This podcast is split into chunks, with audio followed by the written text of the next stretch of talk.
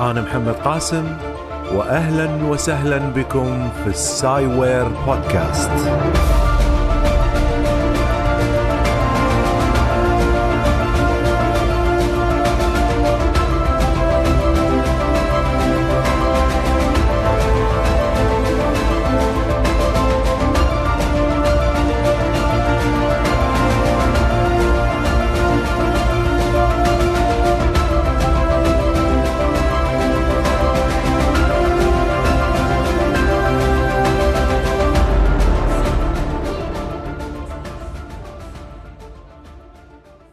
يا أهلا ومرحبا بكم في حلقة جديدة من السايبر بودكاست. حلقة قصيرة مستعجلة سويتها حول انتشار فيروس كورونا ووهان من منطقة ووهان يبدو أننا الآن نعود مرة أخرى مع انتشار فيروس جديد بعد السارس وإنفلونزا الخنازير والطيور وغيرها.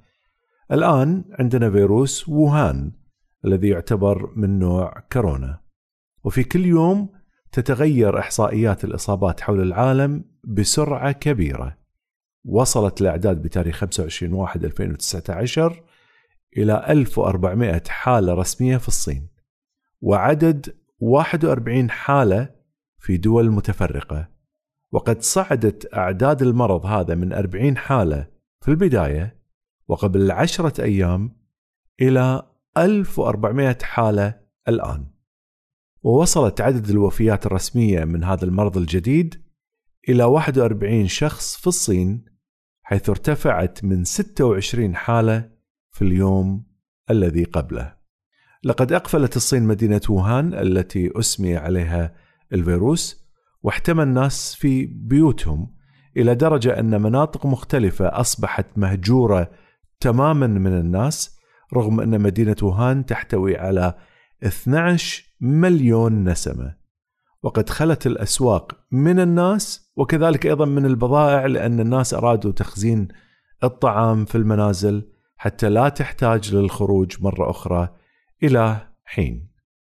وقد منعت الصين التجمعات في ووهان والمدن المجاورة حتى لا ينتشر الفيروس وعطلت المدارس وحتى المطاعم لا يسمح لها باستضافة الناس وأوقفت القطارات ورفعت إنذار الصحة العامة إلى المستوى الأول والذي يعد أعلى مستوى.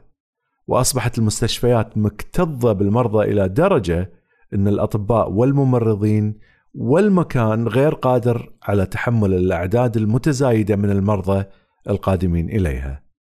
بل وصل الحال في الصين أنها الآن تعمل على إنشاء مستشفى جديد خلال عشر أيام فقط. أوضاع استثنائية تحتاج إلى نشاط استثنائي. ورغم أن الصين فرضت الحصار على عدة مدن بالقرب من ووهان ولا يستطيع أحد أن يغادرها أو يدخل إليها إلا أن بعض الحالات الأولى غادرت المدن لتنشر المرض إلى دول أخرى. فانتقل الفيروس إلى فيتنام وتايوان وجنوب كوريا واليابان وماليزيا وتايلاند والولايات المتحدة الأمريكية وفرنسا وأستراليا. وإن كانت الأعداد لا تزال منخفضة في هذه الدول كما ذكرت 41 حالة في كل هذه الدول خارج الصين. ومع ذلك أيضا هذه فقط الحالات المعلنة ويعتقد أن أعداد المرضى في الصين أكثر. وقد بدأت بعض الدول بأخذ الاحتياطات حيث عرضوا القادمين من الصين لفحص درجة الحرارة حتى يفلترونهم قبل نزولهم من الطائرة. وإذا فيهم حرارة يأخذونهم إلى أماكن أخرى لمعرفة ما الذي فيهم من مرض. وقد قامت الولايات المتحدة بهذا الشيء وكذلك دبي والسعودية وبريطانيا واسكتلندا و... يعني الحين بدأت الدول بالقيام بهذا الأمر. وأتمنى من جميع الدول الأخرى أيضا أخذ نفس الاحتياطات للطائرات القادمة من الصين في المرحلة الحالية وأتوقع يمكن حتى لو المرض زاد على مستوى الدول الأخرى لابد أن تؤخذ احتياطات جديدة أيضا. الآن بدأت بعض الدول مثل الولايات المتحدة الأمريكية بعرض فرصة لإخلاء رعاياها من منطقة ووهان الصينية لإرجاعهم على أن تكون هناك رعاية صحية داخل الطيارة وطبعا لحين رجوعهم وحتى فرنسا قررت إخلاء رعاياها خارج منطقة ووهان إلى مناطق أخرى في الصين وهي تنسق هذا الشيء مع الحكومة الصينية لفسح المجال لهم في مناطق الحصار. أوكي قد نخاف من انتشار هذا المرض والإصابة فيه ولكن لا يعني ذلك أن كل من يصاب بهذا الفيروس سيموت وقد حصل أن بعض المصابين سرحوا من المستشفى لأنهم تعافوا بعد أن أصيبوا به. وقد ذكر أن 39 شخص ممن أصيبوا به في الصين سرحوا إلى منازلهم. رغم الأوضاع المرعبة اللي تحدث في الصين حاليا وتعتبر هناك أزمة إلا أن منظمة الصحة العالمية ما أعلنت بعد عن هذا الانتشار كونه أزمة عالمية لأن الانتشار جلة الآن في الصين. أوكي نأتي الآن إلى كيف بدأ المرض. بدأت الحالة الأولى بالظهور في الصين في منطقة ووهان من سوق السمك حسب ما يعتقد حيث أن السوق وهو سوق سمك يحتوي على حيوانات أخرى مثل الدجاج والأفاعي والخفاش والمارموت اللي هو يعتبر من فصيلة السنجابيات. وكذلك الغزال وأعضاء الأرانب. ومثل ما إحنا عادة نشوف في بعض اللقطات وبعض الأفلام هناك خلط بين تلك الحيوانات بالإضافة بعض الأماكن اللي قرأت أن هناك تدني في مستويات النظافة اللي يعتقد أنها أدت إلى انتقال الفيروس من الحيوان إلى الإنسان. يطلق على هذا النوع من انتقال الأمراض يعني انتقاله من الحيوان إلى الإنسان باسم مرض حيواني المنشأ زونوسيس. بالطبع أتمنى إن لا ننظر لهذا المرض على إنه خاص بطبيعة أكل الصينيين ونعتقد انهم أناس ينشرون الأمراض بسبب أكلهم، أوكي؟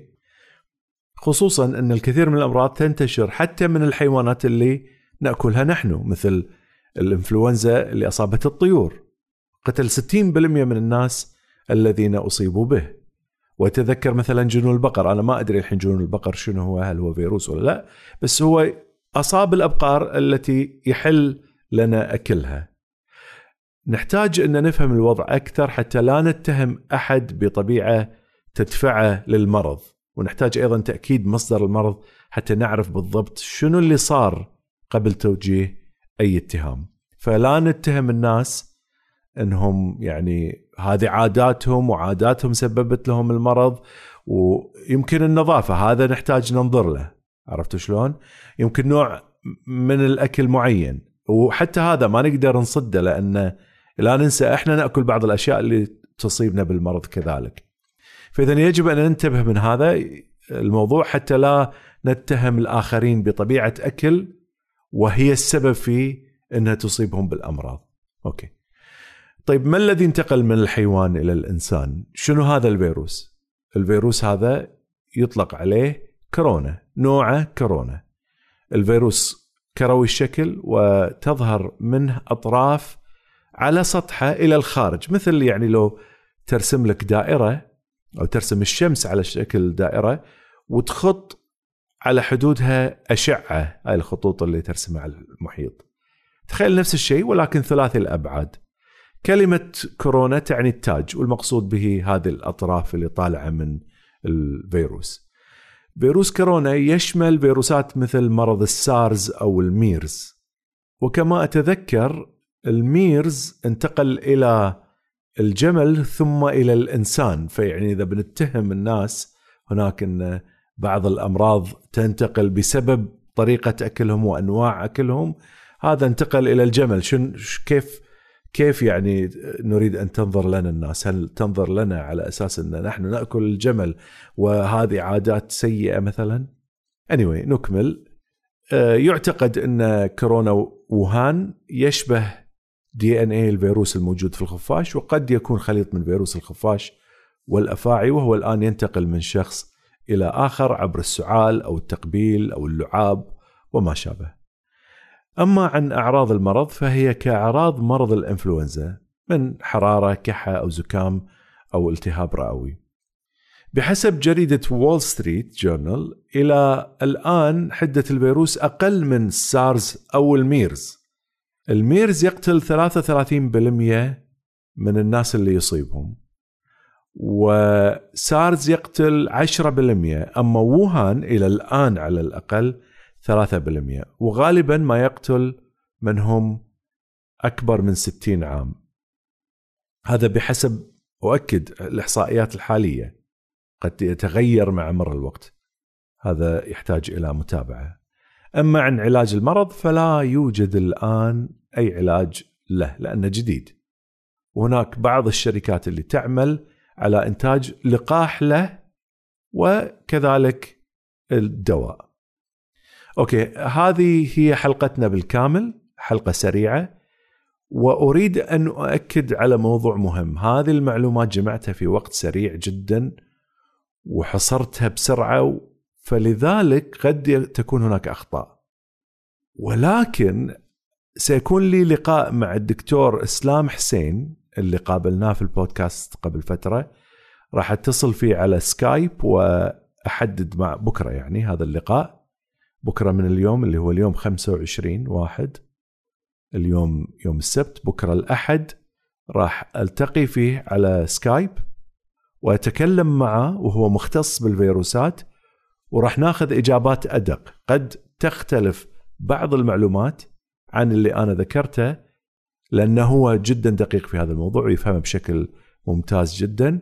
وكذلك كما يحدث أن أصلا الموضوع يتحرك بسرعة كبيرة والمعلومات تتغير بشكل يومي سواء الإحصائيات أو النسب اللي ذكرتها ممكن هذه كلها تتغير وحتى من وين أتى أو منشا هذا الفيروس راح يتغير ف تابعوا معاي بكرة راح أسوي المقابلة وإذا استطعت إني أمنتجها راح أحاول أنزلها بسرعة كبيرة. يعطيكم العافية وإلى اللقاء في حلقة قادمة.